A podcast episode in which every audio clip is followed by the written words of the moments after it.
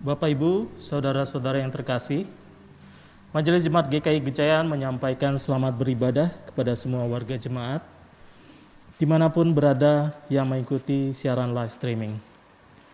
Mari mempersiapkan diri dan hati kita untuk mengikuti ibadah pada hari ini. Bersama ini kami informasikan beberapa warta lisan sebagai berikut.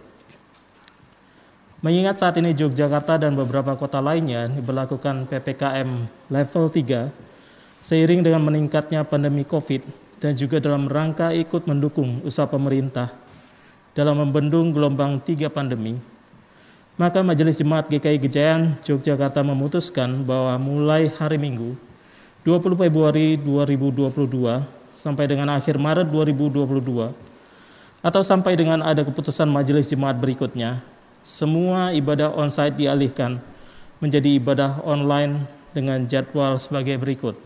Pukul 18 WIB live streaming di GKI Kejayan dan pukul 11 WIB live streaming di The Grace. Dua, ibadah Rabu Abu akan dilaksanakan pada hari Rabu 2 Maret 2022 pada pukul 18 WIB secara streaming. Tiga, persembahan aksi puasa Paskah dimulai sejak Rabu Abu 2 Maret 2022 sampai dengan Kamis Putih 14 April 2022. Jemaat dapat memberikan persembahan aksi puasa Paskah ini via non tunai dengan mencantumkan angka 5 di belakang angka persembahan. Persembahan ini akan digunakan untuk pelayanan bidang kesaksian dan pelayanan. Empat, Ibadah hari ulang tahun ke-22 GKI Gejayan akan dilaksanakan pada hari Sabtu 5 Maret 2022 pukul 18 WIB secara live streaming. 5. Dalam ibadah pada hari Minggu 6 Maret 2022 kita akan bersama-sama memberikan persembahan syukur bulanan. 6. Kelas School of Discipleship membuka pendaftaran kelas baru selama bulan Februari untuk tahun 2022. Kelas akan dilaksanakan secara online. 7. Kelas School of Counseling membuka pendaftaran kelas baru angkatan ke-13 tahun 2022. Pembukaan kelas baru ini akan diawali dengan webinar pada hari Selasa 8 Maret 2022 pukul 18 WIB via Zoom. Webinar ini terbuka untuk umum. 8. Sakramen baptis anak akan dilaksanakan pada hari Jumat 8 April 2022 pukul 16 WIB. Sakramen baptis dewasa dan CD dilaksanakan pada hari Sabtu 9 April 2022 pukul 16 WIB. Apabila peserta baptis anak tidak banyak, maka pelaksananya akan disatukan dengan baptis dewasa dan CD. Percakapan pastoral untuk baptis dewasa dan CD dilaksanakan pada hari Rabu 9 Maret pukul 22 pukul 18 WIB melalui Zoom, sedangkan untuk baptis anak akan diinfokan kemudian. Pendaftaran dibuka sampai dengan hari Jumat, hari Minggu 6 Maret 2022. Pendaftaran di kantor gereja pada hari pada setiap jam kerja. 9. Majelis Jemaat GKI Gejayan berencana meneguhkan beberapa penatua baru dalam ibadah umum terbatas pada hari Sabtu 23 April 2022 pukul 16 WIB. Kami mohon partisipasi jemaat untuk dapat memberikan usulan nama-nama yang dapat dicalonkan sebagai penatua baru. Usulan nama diterima paling lambat tanggal 7 Maret 2022 dalam amplop tertutup Daftar nama jemaat yang dapat diusulkan sebagai calon penatua dapat dilihat dalam tautan yang tertera dalam warta jemaat. 10. Jemaat dapat melihat warta jemaat dan katalog tertulung secara lengkap dengan melihat akun atau link media sosial GKI Gejayan. Ibadah pada hari ini dengan tema ibadah, dengarkanlah dia pasti hidupmu bahagia. Pelayan firman Pendeta Guratan Pamentasing Prago Laesa.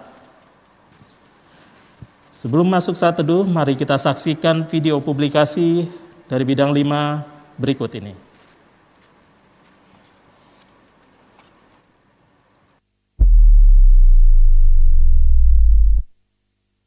Shalom saudara, bidang 5 GKI Kejayan adalah bidang pengajaran yang mewadahi School of Ministry School of Ministry bertujuan memperlengkapi jemaat agar dapat bertumbuh dan mengalami relasi pribadi dengan Tuhan dan dapat melayani dengan dasar spiritual yang benar. Jemaat dapat memilih dan bergabung pada salah satu kelas yang tersedia berikut ini.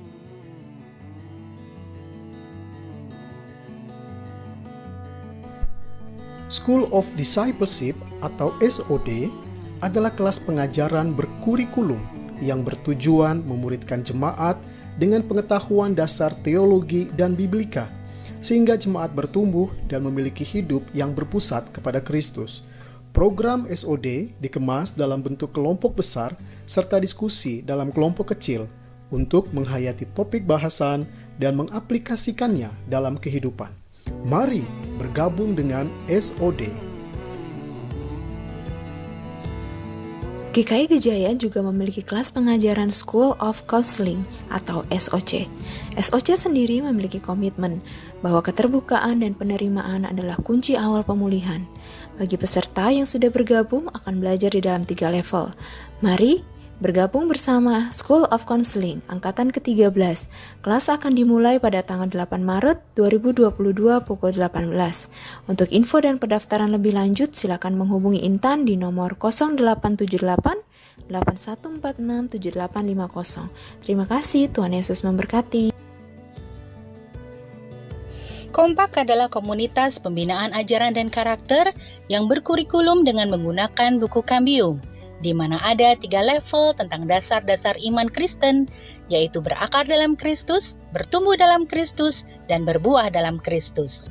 Setiap materi dibagi dalam dua bagian, yaitu pengajaran bersama dalam kelompok besar dan kelompok kecil untuk membahas topik pengajaran lebih dalam, berbagi hidup, dan saling menguatkan. School of Prayer atau SOP adalah kelas pengajaran GKI Gejayan yang menitik beratkan pada pengembangan doa.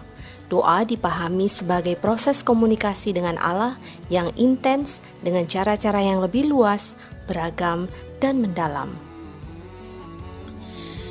Seringkali kita sulit untuk menyatakan atau mewartakan pada sesama betapa besar kasih Tuhan bagi kita. Rasanya sayang jika kasih Tuhan itu tidak dirasakan saudara kita.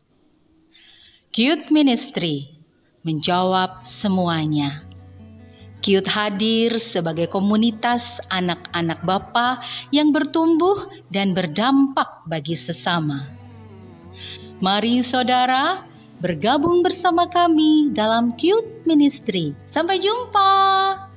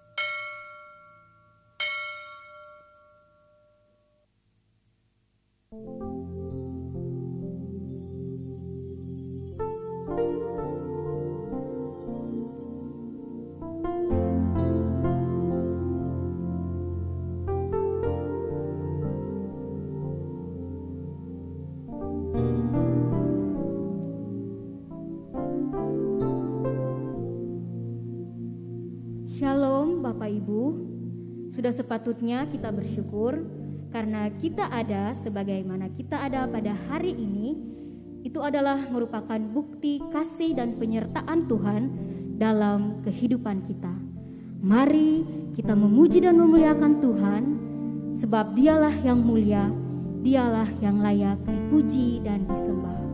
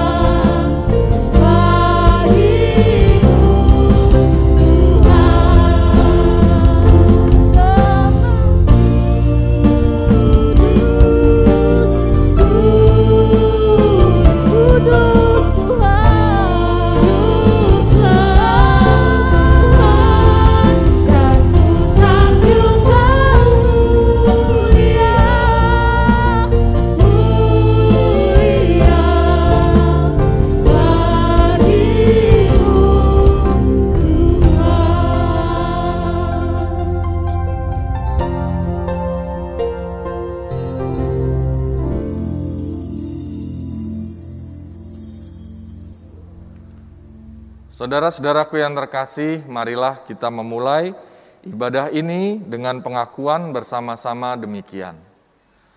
Pertolongan kita adalah di dalam nama Tuhan yang menjadikan langit dan bumi, yang kasih setianya tetap untuk selama-lamanya, yang memelihara umat manusia di tengah pergumulan dan goncangan kehidupan.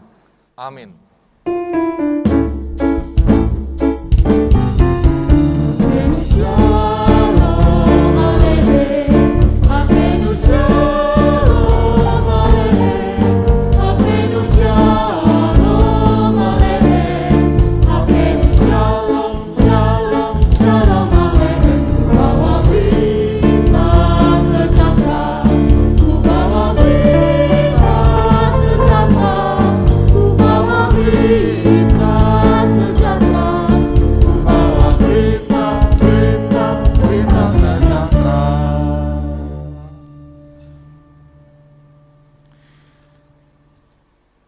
Shalom Bapak Ibu Saudara yang terkasih, selamat pagi, terkhusus juga untuk saudara-saudara yang mengikuti ibadah secara online hari ini, baik yang ada di YouTube dan juga yang ada di dalam Zoom ya. Kita semua saat ini beribadah secara online untuk dapat mengurangi resiko dari penularan Omikron ya, dan biarlah dalam masa-masa yang harus menahan diri ini, kita tetap bersuka cita beribadah untuk Tuhan ya. Pagi hari ini saya ingin menyapa secara khusus saudara-saudara yang ada di dalam Zoom ya. Saya melihat pagi hari ini ada Bu Heni Joko ya. Lalu ada mohon maaf di sini tulisannya kurang jelas tapi saya bisa melihat ada Bu Rina Luciana, Bu Hening, Monovan ya, ada Bu Endah dan Pak Darmono, ada Bu Narsis Sembiring dan Bapak ya, Pak Sembiring, ada Bu Paul, ada Ibu atau Saudara Elsa Sagita Simbolon ya, ada Immanuel Nixon Odela. Wah, ini luar biasa. Ini teman sahabat kita sudah lama ya. Ya, selamat pagi saudara-saudara sekalian. Ya, suaranya belum masuk ya. Mudah-mudahan segera suaranya bisa masuk ya. Wah, apa kabar saudara-saudara yang terkasih? Wajahnya cerah-cerah semua ya pagi hari ini. Senyumnya lebar. Wah. Ya, mudah-mudahan suaranya segera bisa masuk ya. Wah, ini uh, Mas Immanuel ya, Mas Iman ini Jauh sekali ini ya dari NTT. Wow, latar belakangnya aja pasti ini NTT ya. Ini apakah di pantai betul ini ya? Ya, mudah-mudahan eh, tetap sehat semangat di sana ya. Ya, salam untuk istri yang menjadi pelayan hamba Tuhan di sana ya. Ya, juga ada Pak Monovan, ada Mas Agung, ada Saudara Berlian, Alfiana, ya. Ya, semuanya adalah saudara saudara-saudara yang kita kenal ya dalam kehidupan bergereja kita. Meski belum bisa kami dengar pagi hari ini di ruang ibadah ya, tapi eh, kayaknya kita tetap berkomunikasi dari hati ya. Nah, jadi tetap kita harus bersuka cita dan Eh, Bapak Ibu Saudara sekalian yang mengikuti di Zoom, di YouTube, ayo kita tuangkan ya sapaan kita di kolom chat eh, satu sama lain, selamat pagi, selamat hari Minggu dan seterusnya. Lalu juga masukkan pokok doa kita ya.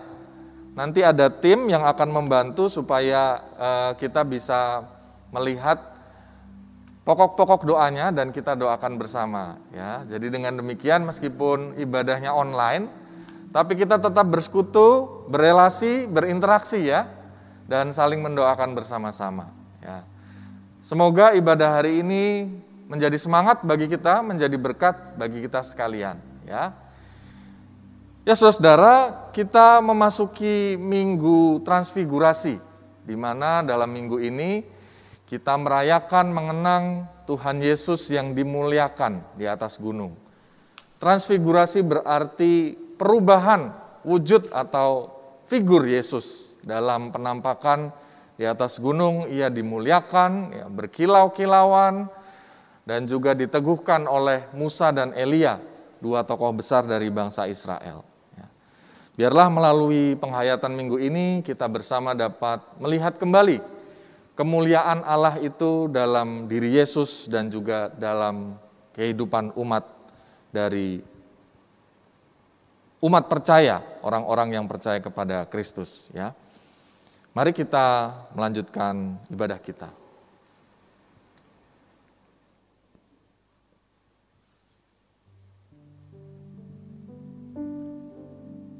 Saudaraku, mari dengan kesungguhan hati kita mengaku dosa kita serta memohon pengampunan dari Tuhan. Mari berdoa. Kami datang mengaku dosa-dosa kami di hadapanmu ya Tuhan ya Allah kami. Kami sungguh memohon pengampunan darimu. Amin. Mari kita bangkit berdiri saudara-saudara, kita menerima pengampunan dari Tuhan dan pada hari ini pengampunan itu dapat kita hayati dalam berita anugerah yang dituangkan di dalam Mazmur 103 ayat 2 sampai 4 demikian. Pujilah Tuhan hai jiwaku dan janganlah lupakan segala kebaikannya. Dia yang mengampuni segala kesalahanmu, yang menyembuhkan segala sakit penyakitmu. Dia yang menebus hidupmu dari lubang kubur, yang memahkotai engkau dengan kasih setia dan rahmat. Demikianlah berita anugerah dari Tuhan.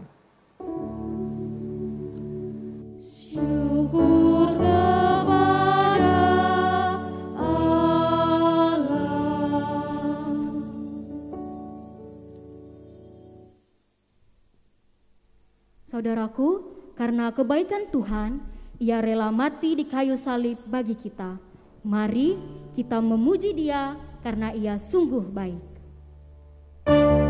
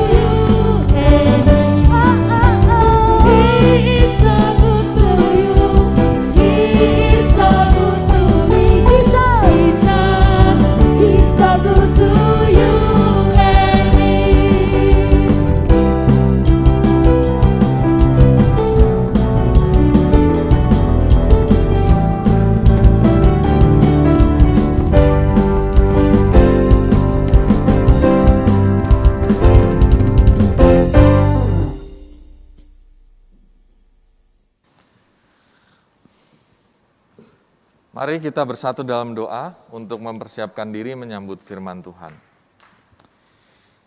Kita berdoa. Tuhan, kami sungguh menghayati bahwa Engkau sungguh baik dalam hidup kami. Engkau sungguh Allah yang memperhatikan kami, menerima kami sebagaimana adanya kami. Biarlah ya Tuhan, hari ini ketika kami menghayati akan cinta kasih-Mu, itu semakin lengkap ketika firman-Mu diperdengarkan dan kami menjadi pendengar-pendengar yang baik, menjadi pelaku firman yang baik, dan biarlah kami setia melakukannya setiap hari dalam pertolongan roh kudus Tuhan.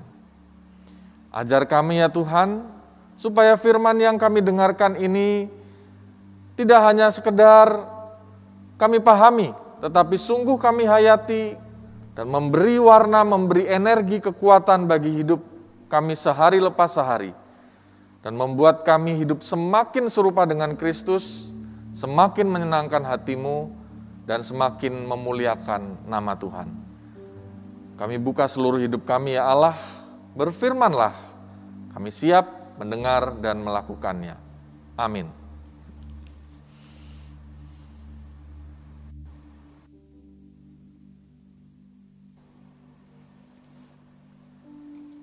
Surat Paulus yang kedua kepada jemaat di Korintus pasal 3 ayat 17 sampai dengan pasal 4 ayat 2. Surat Paulus yang kedua kepada jemaat di Korintus pasal 3 ayat 17 sampai dengan pasal 4 ayat 2. Sebab Tuhan adalah roh dan di mana ada roh Allah, di situ ada kemerdekaan. Dan kita semua mencerminkan kemuliaan Tuhan dengan muka yang tidak berselubung. Dan karena kemuliaan itu datangnya dari Tuhan yang adalah roh, maka kita diubah menjadi serupa dengan gambarnya dalam kemuliaan yang semakin besar. Pasal 4, oleh kemurahan Allah kami telah menerima pelayanan ini karena itu kami tidak tawar hati. Tetapi kami menolak segala perbuatan tersembunyi yang memalukan. Kami tidak berlaku licik dan tidak memalsukan firman Allah. Sebaliknya, kami menyatakan kebenaran dan dengan demikian kami menyerahkan diri kami untuk dipertimbangkan oleh semua orang di hadapan Allah. Demikianlah sabda Tuhan.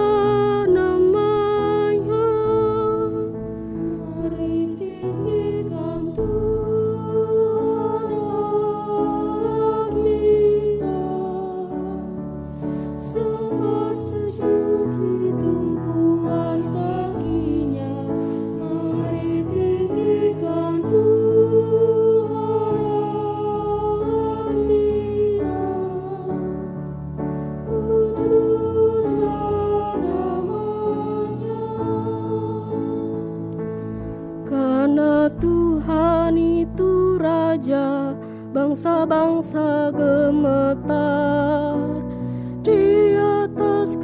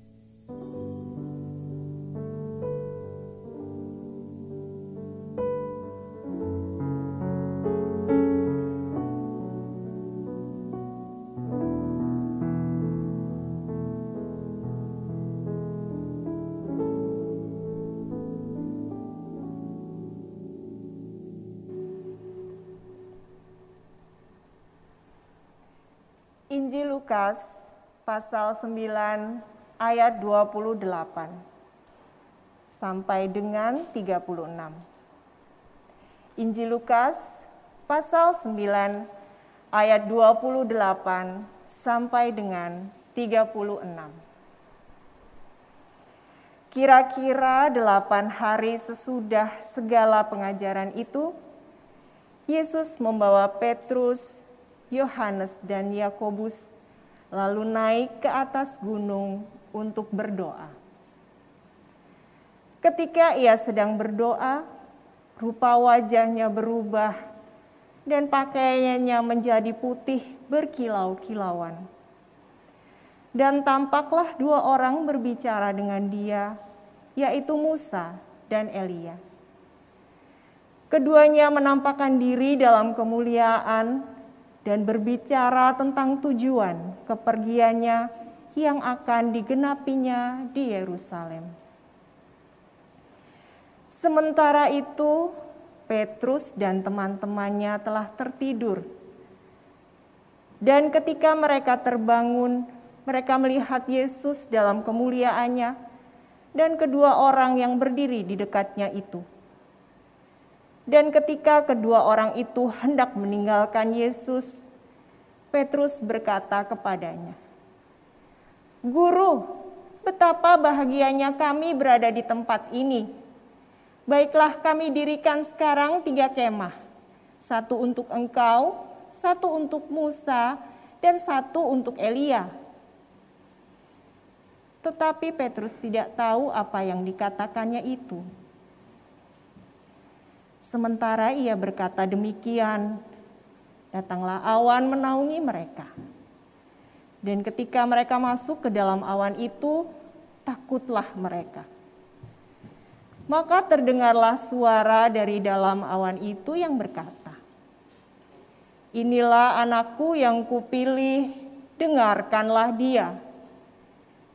Ketika suara itu terdengar, nampaklah Yesus tinggal seorang diri dan murid-murid itu merahasiakannya, dan pada masa itu mereka tidak menceritakan kepada siapa pun apa yang telah mereka lihat itu. Demikianlah Injil Yesus Kristus. Berbahagialah saudara yang menerima berita Injil, menyimpan dalam hati, dan menerapkannya dalam kehidupan sehari-hari. Haleluya!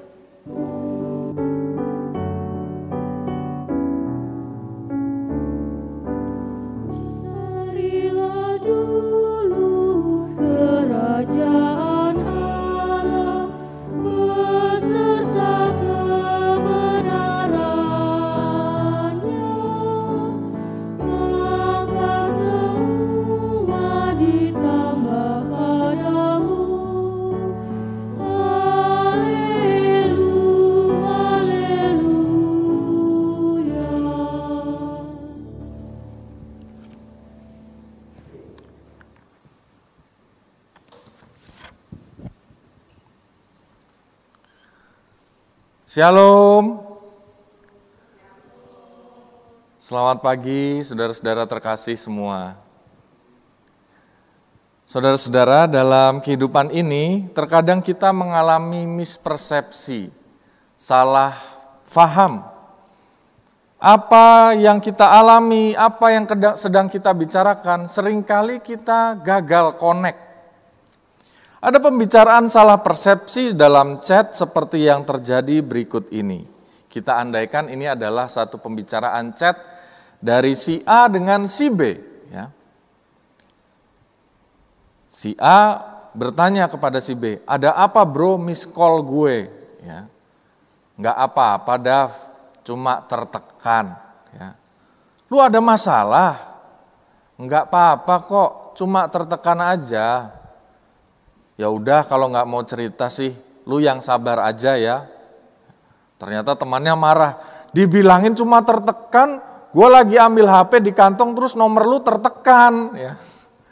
Ternyata kita melihat ada mispersepsi di sini. Yang satu bermaksud menolong temannya yang sedang tertekan atau stres. Nggak taunya temannya hanya tertekan tombol HP-nya. Ya. Ini adalah salah satu contoh mispersepsi dalam hidup sehari-hari kita. Ada lagi gagal faham mispersepsi itu terjadi demikian ya. Kali ini dalam dunia studi. Nah, seorang mahasiswa mengirimkan chat pada dosennya, Pak Arya, maaf, saya Erni Marian kelas AKB angkatan 2019. Mau tanya Pak, jadi kelon apa tidak? Kalau jadi jam berapa? Dosennya marah, hah kelon? Maksudnya apa? Ya, kelas online bapak, ya ternyata salah persepsi ya. Anak zaman sekarang itu karena sering kelas online disingkatnya lah kelon itu menjadi kelas online ya. Jadi kita harus juga hati-hati ya, jangan sampai mispersepsi ketika anak kita, saudara kita mungkin pamit mau kelon ya. Sebenarnya mau kelas online. ya. Mispersepsi juga terjadi dalam hidup bermasyarakat dan berkeluarga. Contohnya ada seorang ayah berpesan pada anaknya bernama Aceng, demikian. Ya. Ceng, tadi bapak pinjem motor Pak RT, tolong balikin ya. Siapa?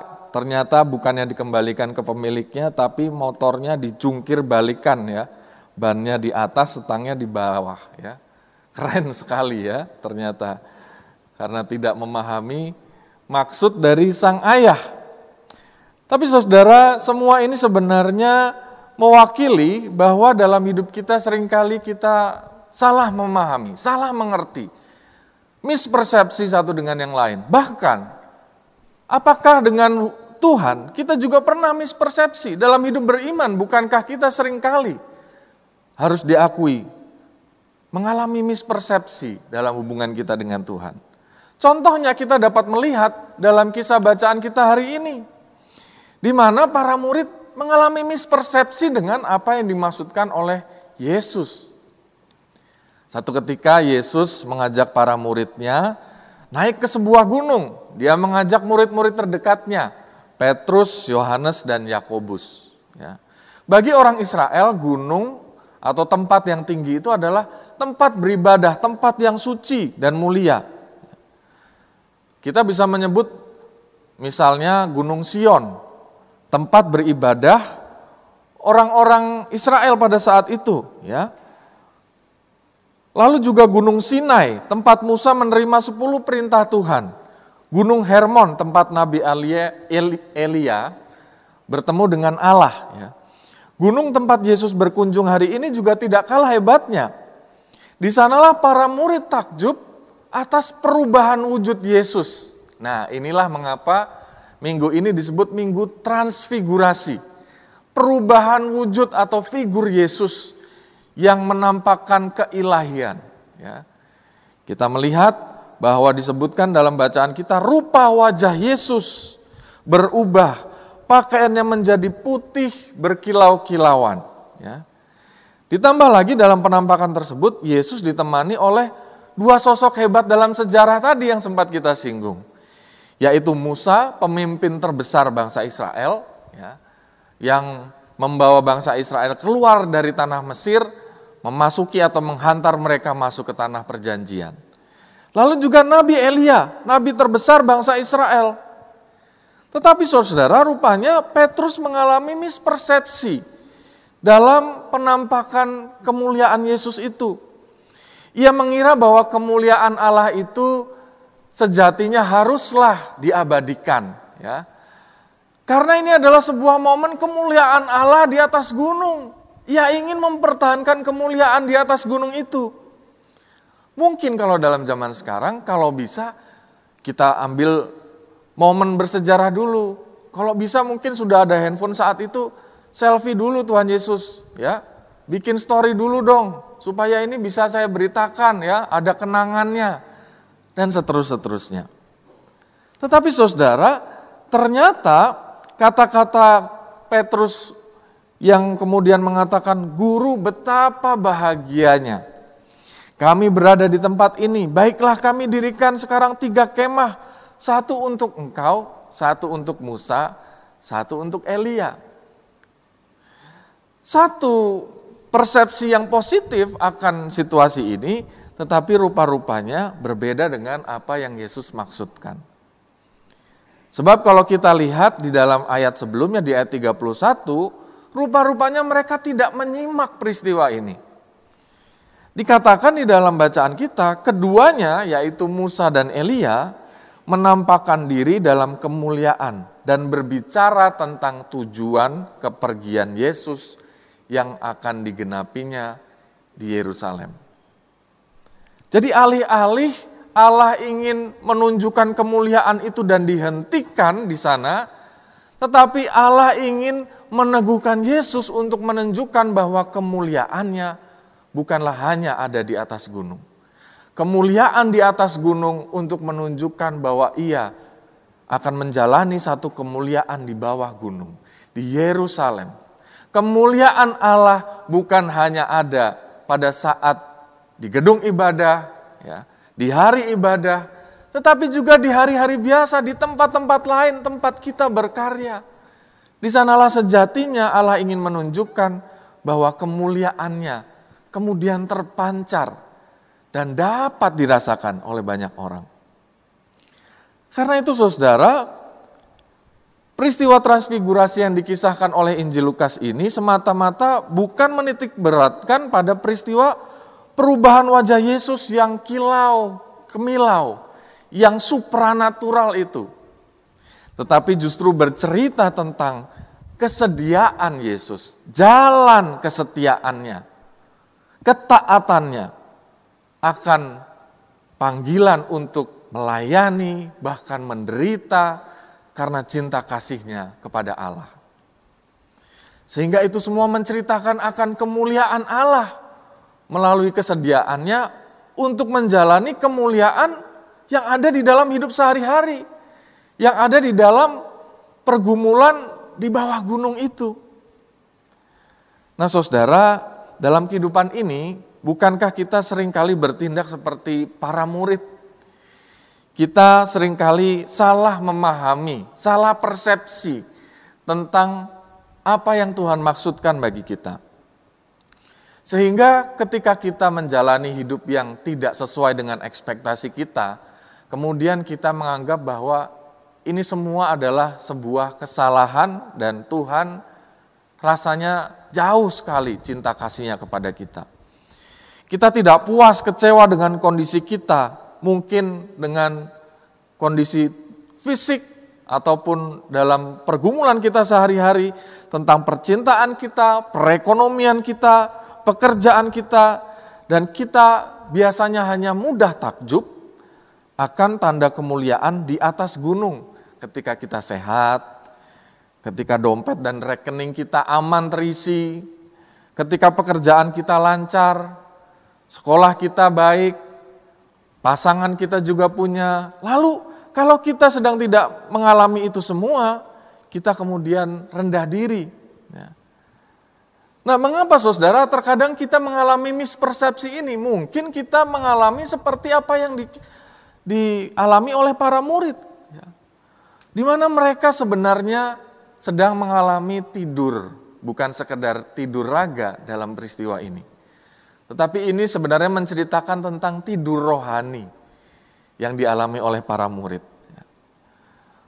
Sebenarnya Yesus sudah mengatakan kata-kata tentang bahwa ia dipanggil untuk mengasihi sampai menderita untuk menunjukkan cinta Allah itu dalam perikop sebelumnya. Ya. Bahkan juga di dalam perikop selanjutnya ada juga kisah yang menceritakan tentang bagaimana para murid yang masih belum paham tentang hal ini, ya. Tetapi saudara, dalam ketidakpahaman ini, ya, dalam mispersepsi ini, dalam tidur rohani ini, kita dikejutkan dengan kasih Allah yang tetap menerima para murid ini. Ketika dalam bacaan itu kita menemukan bahwa Allah seolah-olah mendekap mereka melalui awan yang menaungi mereka. Allah seolah-olah membangunkan mereka dari tidur rohani mereka. Lalu Allah berkata kepada mereka, inilah anakku yang kukasihi, yaitu Yesus ya. Dengarkanlah dia.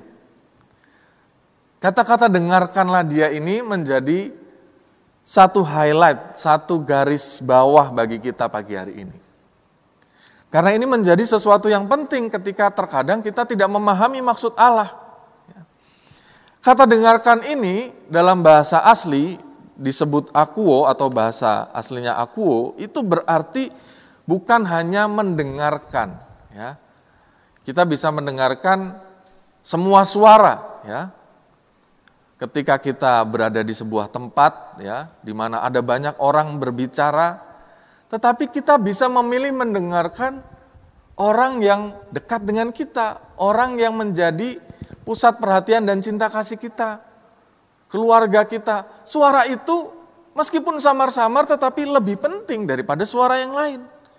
Itulah yang dimaksudkan oleh Yesus. Supaya kita mendengarkan bukan sekedar mendengar semuanya tetapi memperhatikan. Bahkan juga menerima apa yang dikatakannya, mendengarkan dan juga memperhatikan perintahnya dan menaati.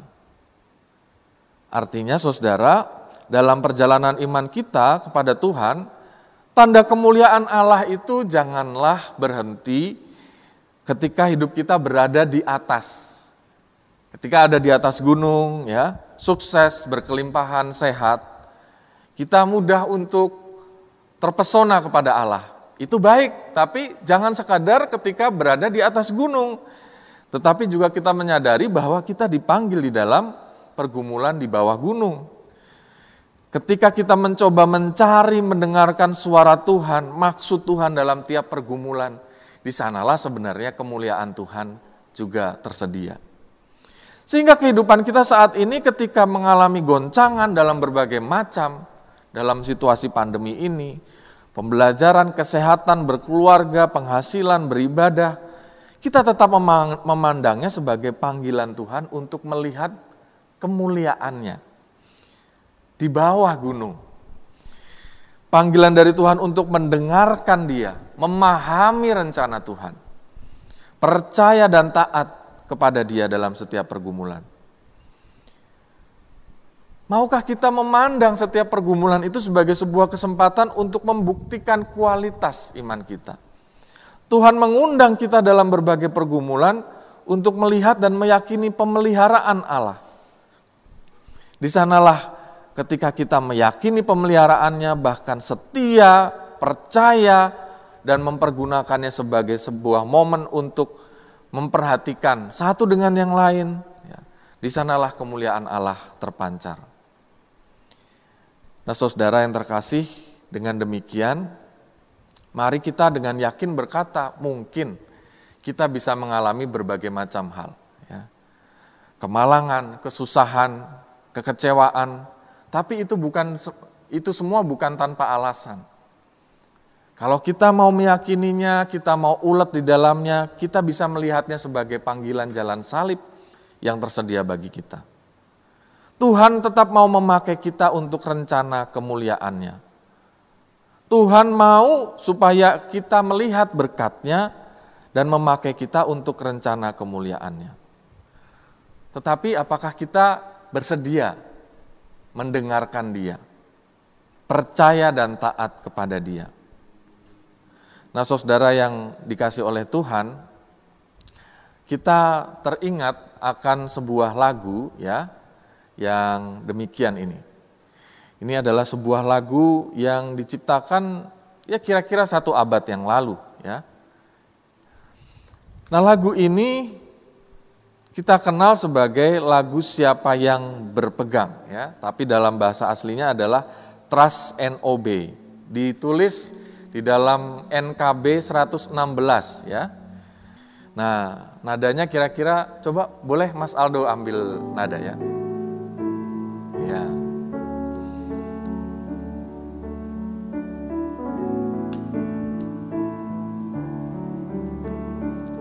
Ya, kita nyanyi bersama ya. Siapa yang berpegang pada sabda Tuhan dan setia mematuhinya hidupnya mulia dalam cahaya bakar bersekutu dengan Tuhannya. Percayalah dan pegang sabdanya. Hidupmu dalam Yesus. Sungguh bahagia. Kita ulangi sekali lagi ya siapa yang berpegang dalam sabda Tuhan dan setia mematuhinya hidupnya mulia dalam cahaya bakar bersekutu dengan Tuhannya. Percayalah dan pegang sabdanya. Hidupmu dalam Yesus. Sungguh bahagia. Saudara lagu ini diciptakan oleh John Semis ya yang pada tahun 1887 ia menuliskan lagu Trust and Obey ini justru bukan diinspirasi oleh kisah hebat ya. Karena ada seorang pemuda dalam sebuah kebaktian di Amerika Serikat itu bersaksi bukan tentang kehebatan-kehebatan yang ia capai. Keberuntungan ataupun berkat-berkat yang dia terima. Tetapi pemuda ini menceritakan secara jujur betapa hancur hatinya. Karena pergumulan untuk memahami maksud Tuhan yang dia alami. Tetapi dalam kekecewaan dan ragu akan maksud Tuhan itu. Dia mengalami sulit percaya akan keselamatan Tuhan. Sang pemuda tetap berkata dengan kata-kata yang menyentuh banyak orang pada saat itu dengan kata-kata meski sulit jalan hidupku I will always trust and obey ya aku akan selalu percaya dan taat Ternyata kesaksian yang jujur ini memberkati banyak orang pada saat itu. Hingga seorang penulis lagu dan juga pencipta lirik Daniel Towner dan juga John Semis ini merasakan apa yang dialami oleh pemuda tadi. Bahwa mengikut Tuhan percaya dan taat itu, takjub akan Tuhan itu tidak harus ketika semuanya itu terjadi sesuai harapan kita. Dan ia berkata dengan kata-kata apa yang ia perintahkan untuk kita lakukan. Ke mana ia mengutus kita akan pergi. Jangan takut, percaya dan taat. Tidak ada cara lain untuk bahagia di dalam Yesus selain untuk percaya dan taat. Nah, saudara, ternyata keyakinan itu membawa pengaruh pada banyak orang. Hingga John Semis sendiri pada akhirnya berubah dari seorang pengusaha menjadi seorang hamba Tuhan, menjadi seorang pendeta di sebuah gereja presbiterian di Los Angeles. Dan akhirnya karena ini semua pula mewarnai kehidupannya, ia menjadi seorang pencipta lagu, himne gereja dengan jumlah lebih dari 100 lagu yang ia ciptakan. Dari satu kejujuran seorang pemuda akan kehidupannya, akan kehancuran hatinya. Tetapi tetap memilih percaya, taat, mendengar suara Tuhan Ternyata kemudian suara hati itu didengarkan oleh banyak orang. Menguatkan banyak orang. Membuat banyak orang juga pada akhirnya tidak hanya berbicara kepada Tuhan, mengungkapkan apa yang dia inginkan. Memperdengarkan dalam doa-doanya, Tuhan saya ingin ini. Tetapi pada akhirnya membawa banyak orang untuk mau bersedia mendengarkan suara Tuhan. Dan berbahagia karena mau mendengarkan suara Tuhan. Nah, saudara yang dikasih oleh Tuhan, kita berada dalam perjalanan yang mungkin serupa seperti Yesus. Pada hari ini, Ia mengajak kita untuk tidak sekadar takjub pada kemuliaannya di atas gunung, tapi juga di bawah gunung. Kita terkadang ragu dan takut, tetapi kita harus percaya awan cinta kasih Allah itu menaungi kita dan menguatkan kita. Seperti kisah dari seorang anak Tuhan berikut ini, hidupnya, tubuhnya jauh dari kondisi mulia. Ya. Ada sebuah kisah di video ini tentang anak Tuhan yang jauh dari kondisi yang sama dengan pemuda-pemuda pada umumnya. Dan apa yang terjadi ketika dia mendengarkan suara Tuhan? Ya, ketika dia mencoba untuk percaya dan taat mendengar suara Tuhan. Kita akan menyaksikannya dalam video berikut ini, ya. I wasn't ready.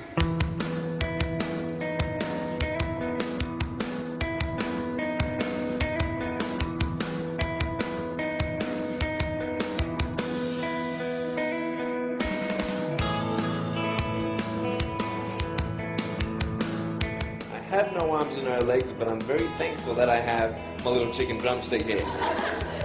People freak out when they see me for the first time. It's so cool. I was at a water slide um, all by myself. Everyone obviously at the bottom of the slide is looking up and waiting for other people to come down, and here I come, and they're freaking out. They're like, you know, like this. And I was so tempted to look at myself and go, what happened? You know? There were times where I sort of looked at my life and thinking, well, I can't do this and I can't do that. And you keep on concentrating on the things that you wish you had or the things that you wish you didn't have. And you sort of forget what you do have. And there's no point, I believe, in my life where I wish I had arms legs, I wish I had arms legs, I wish I had arms legs, because wishing won't help. But what I've seen in life are just a couple key principles. And the first thing that I've seen is to be thankful. It's hard to be thankful, man. I tell you, when I was eight years old, I, I sort of summed up my life and thought, I'm never going to get married. I'm, you know, I'm not going to have a job. I'm not going to have a life of purpose.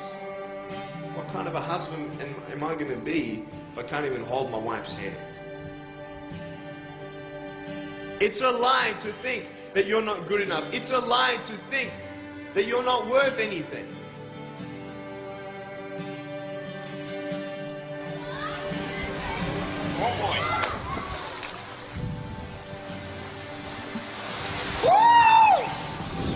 Can't feel my hands. I love life. You know, so many people come and say, How come you smile so much? And I'm like, Well, it's, it's, it's a long story. but it's very simple at the same time. You see, it's very hard to smile sometimes in life. There are things that happen that you don't know and you don't understand, and you don't know if you're going to get through it. You know, you go through your storms in life, and you don't know how long this storm is going to be. And today I want to share with you some principles that I've learned in my life that you can use in yours.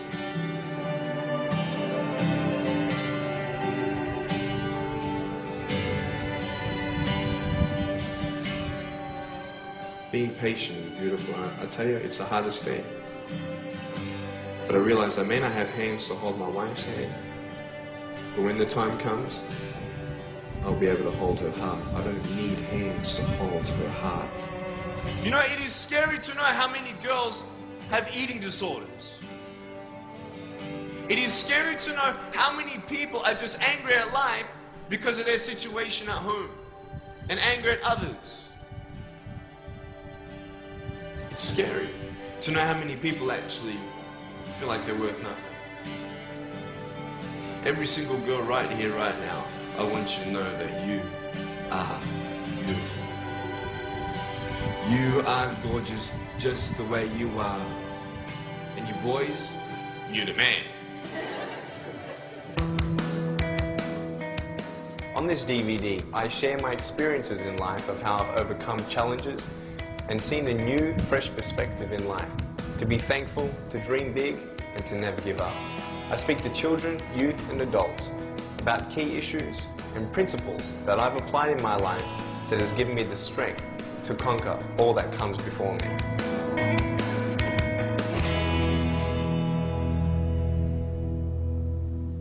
Ya, kisah yang luar biasa mengingatkan kita akan seorang profil bernama Nick Fujicic ya, yang punya sindrom sejak lahir tetra am- amelia ya, di mana seorang terlahir tanpa lengan dan kaki.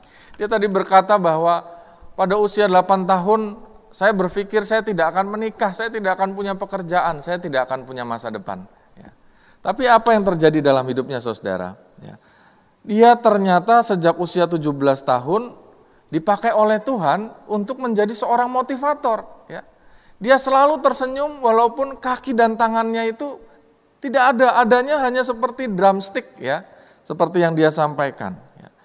Dari data yang saya temukan, ia sudah mengunjungi setidaknya 69 negara di lima benua ya, dan menjadi seorang penginjil yang memiliki keluarga ya.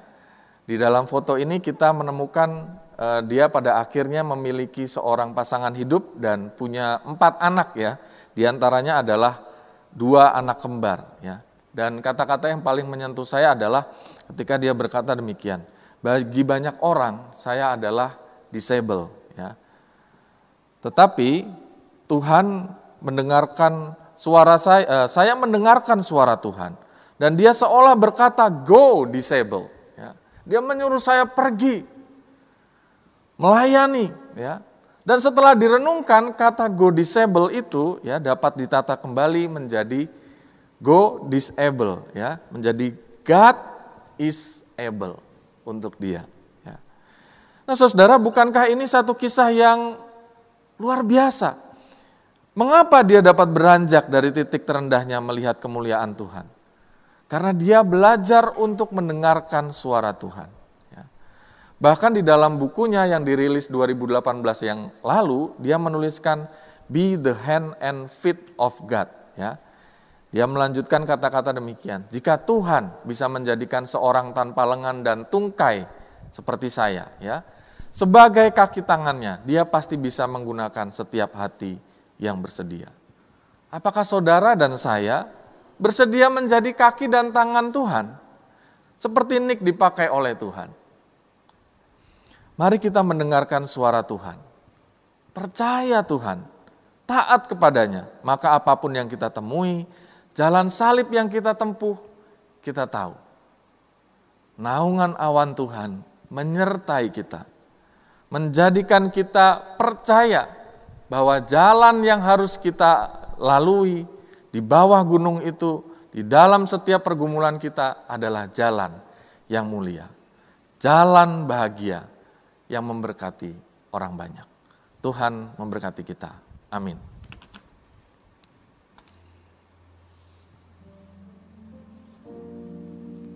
Saat teduh dan marilah kita bersatu di dalam doa.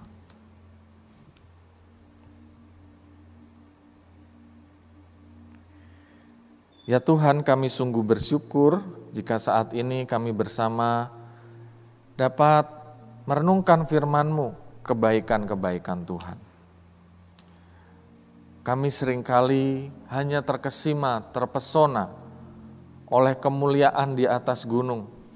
Tapi pada hari ini Engkau membangunkan kami dengan awan naungan-Mu yang sungguh-sungguh menyadarkan kami, meneguhkan kami, menguatkan kami akan panggilan kami di bawah gunung dalam setiap suka duka pergumulan hidup kami.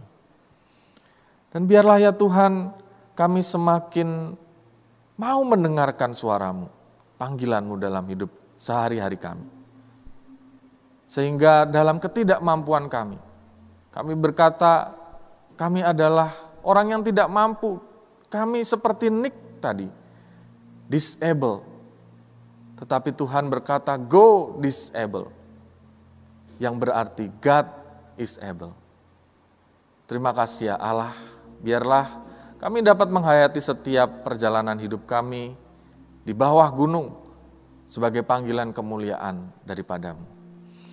Pada saat ini Tuhan kami ingin berdoa juga untuk saudara-saudari kami yang mengikuti ibadah melalui Zoom dan YouTube kami berdoa untuk mereka yang mengucap syukur atas berkat Tuhan. Untuk saudara Jo dan keluarga Rein, biarlah apa yang mereka syukuri dalam hidup mereka dapat menguatkan hidup beriman mereka untuk semakin mengandalkan Tuhan, semakin percaya kepadamu, dan semakin hidup berbahagia dalam suka duka bersama Tuhan. Kami berdoa dan memohon berkat atas rencana hidup baik studi, pekerjaan, dan usaha untuk Kesia Elizabeth, Daniel Reinhardt, Franz Teguh, Ibu Ana Triana, Ibu Suratimah, Ibu Nurhayati Butar-Butar, Saudara Daniel, Saudari Julian Fitri, Ibu Ruth Estika, Lala, Gebi, Cynthia, dan Yudit. Berkatilah ya Tuhan mereka dalam studi ataupun pekerjaan dan usahanya, Biarlah mereka selalu mengandalkan Tuhan dalam berbagai macam kesempatan. Dan biarlah apa yang mereka rindukan dapat terwujud sesuai dengan kehendak Tuhan. Biarlah pekerjaan mereka, studi mereka dilakukan dengan hati yang tulus dan jujur, sehingga apa pun yang mereka lakukan menjadi satu kesaksian, menjadi satu teladan bagi orang-orang untuk dapat melihat cinta kasih Tuhan dalam hidup mereka. Tuhan kami juga mau berdoa untuk saudara-saudara kami yang pada saat ini memohon kesembuhan untuk orang tua dari saudara Yonatan, untuk Bapak Widi, juga untuk saudara-saudara kami yang lain yang tidak kami sebutkan satu persatu. Biarlah Tuhan memberikan kekuatan, penyembuhan bagi mereka sekalian, bahkan terkhusus untuk saudara-saudari kami yang pada saat ini harus isolasi mandiri karena terpapar Omikron.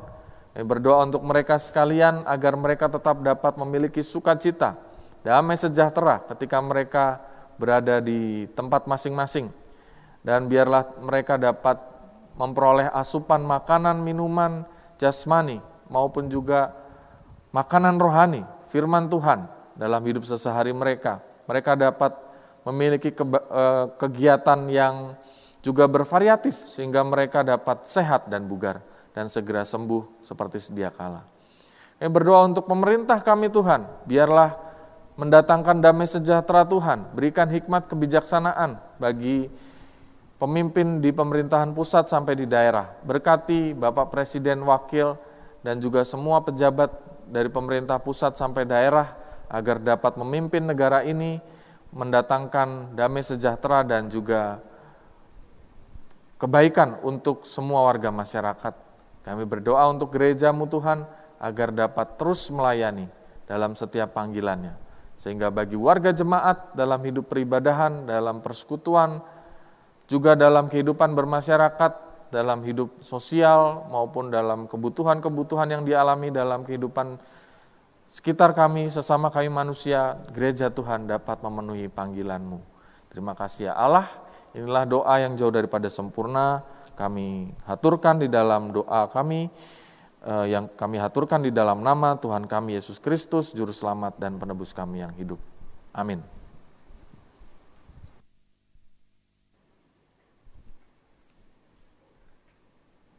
Jemaat yang dikasihi Tuhan, marilah bersama seluruh orang percaya di segala tempat dan sepanjang segala abad kita mengikrarkan pengakuan iman kita berdasarkan pengakuan iman rasuli yang demikian. Aku percaya kepada Allah, Bapa yang Maha Kuasa, Khalik langit dan bumi, dan kepada Yesus Kristus, anaknya yang tunggal, Tuhan kita, yang dikandung dari roh kudus, lahir dari anak darah Maria, yang menderita sengsara di bawah pemerintahan Pontius Pilatus, disalibkan, mati dan dikuburkan, turun ke dalam kerajaan maut. Pada hari yang ketiga, bangkit pula dari antara orang mati, naik ke surga, duduk di sebelah kanan Allah, Bapa yang Maha Kuasa. Dan dari sana ia akan datang untuk menghakimi orang yang hidup dan yang mati. Aku percaya kepada Roh Kudus, gereja yang kudus dan am, persekutuan orang kudus, pengampunan dosa, kebangkitan orang mati, dan hidup yang kekal. Amin. Bapak, Ibu, Saudara kasih Tuhan, kita akan mengumpulkan persembahan syukur kita. Dalam kesempatan ini, kami mempersilahkan jemaat untuk scan barcode, barcode QRIS di bangku jemaat. Sedangkan persembahan tunai dikumpulkan sebelum atau sesudah ibadah. Mari kita mengumpulkan persembahan sambil mengingat Mazmur 4 ayat 6. Mari kita baca bersama-sama. Persembahkanlah korban yang benar dan percayalah kepada Tuhan. Selamat memberi persembahan yang terbaik. Tuhan Yesus memberkati.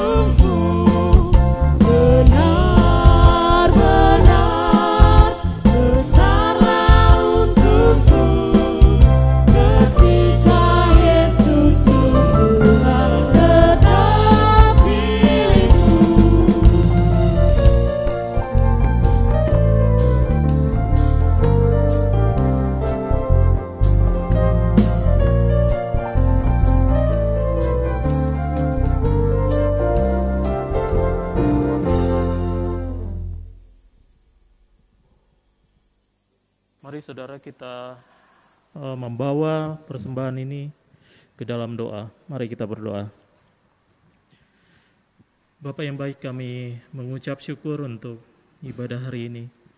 Kami bersyukur kami boleh menyembah Engkau, kami boleh mendengar firman-Mu dan kebenaran-Mu. Dan kami diisi untuk menjadi lebih mengenal Engkau secara pribadi. Karena itu Bapak terima kasih untuk ibadah hari ini. Kami juga mengucap syukur kami boleh memberikan persembahan kami pada hari ini. Biarlah itu menjadi kemuliaan bagi namamu. Berkati juga persembahan yang kami berikan agar dapat menjadi alat kemuliaan namamu. Kami juga berdoa untuk setiap uh, majelis yang mengelola persembahan ini. Biarlah persembahan ini dapat digunakan untuk kemuliaan namamu, untuk memperlebar kerajaanmu, dan banyak orang dimenangkan. Terima kasih ya Bapa untuk segala kasih, penyertaanmu, kebaikan-kebaikanmu, dan berkat-berkatmu yang terus kami nikmati di dalam kehidupan kami. Di dalam nama Yesus kami mengucap syukur dan berdoa. Amin. Kita akan kembali menjalani aktivitas kita dengan mengingat bahwa kita dipanggil untuk memuliakan Tuhan. Mari kita nyatakan komitmen kita untuk ikut Tuhan.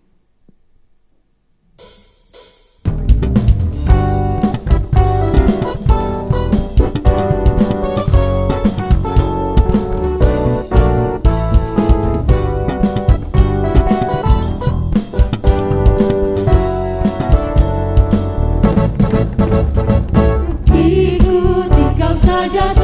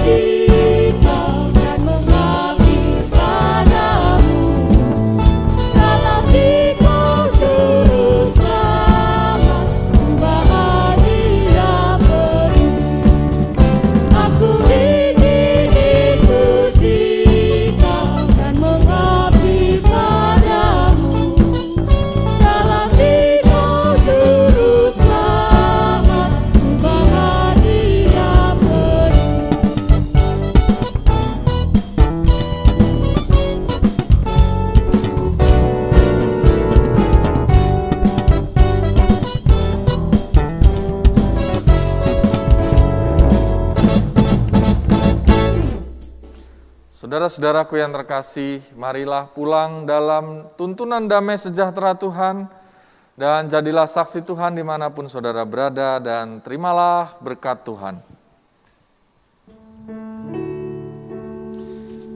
Kasih Tuhan mengiringimu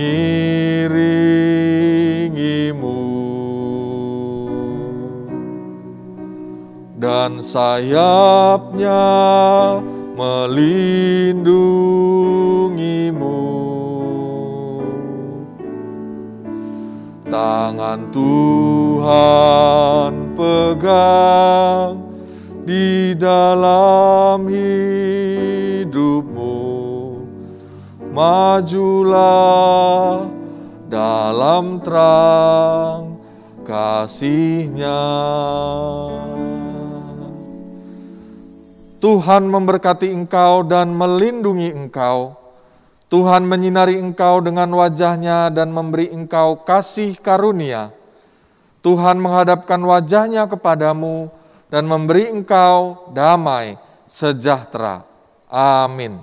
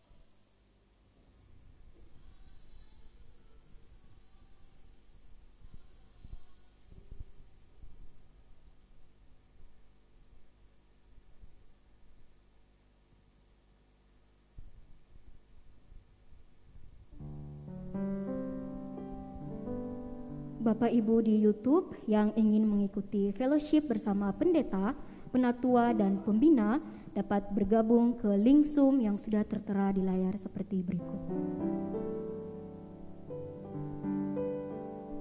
Selamat berkarya di pekan yang baru. Tuhan Yesus memberkati.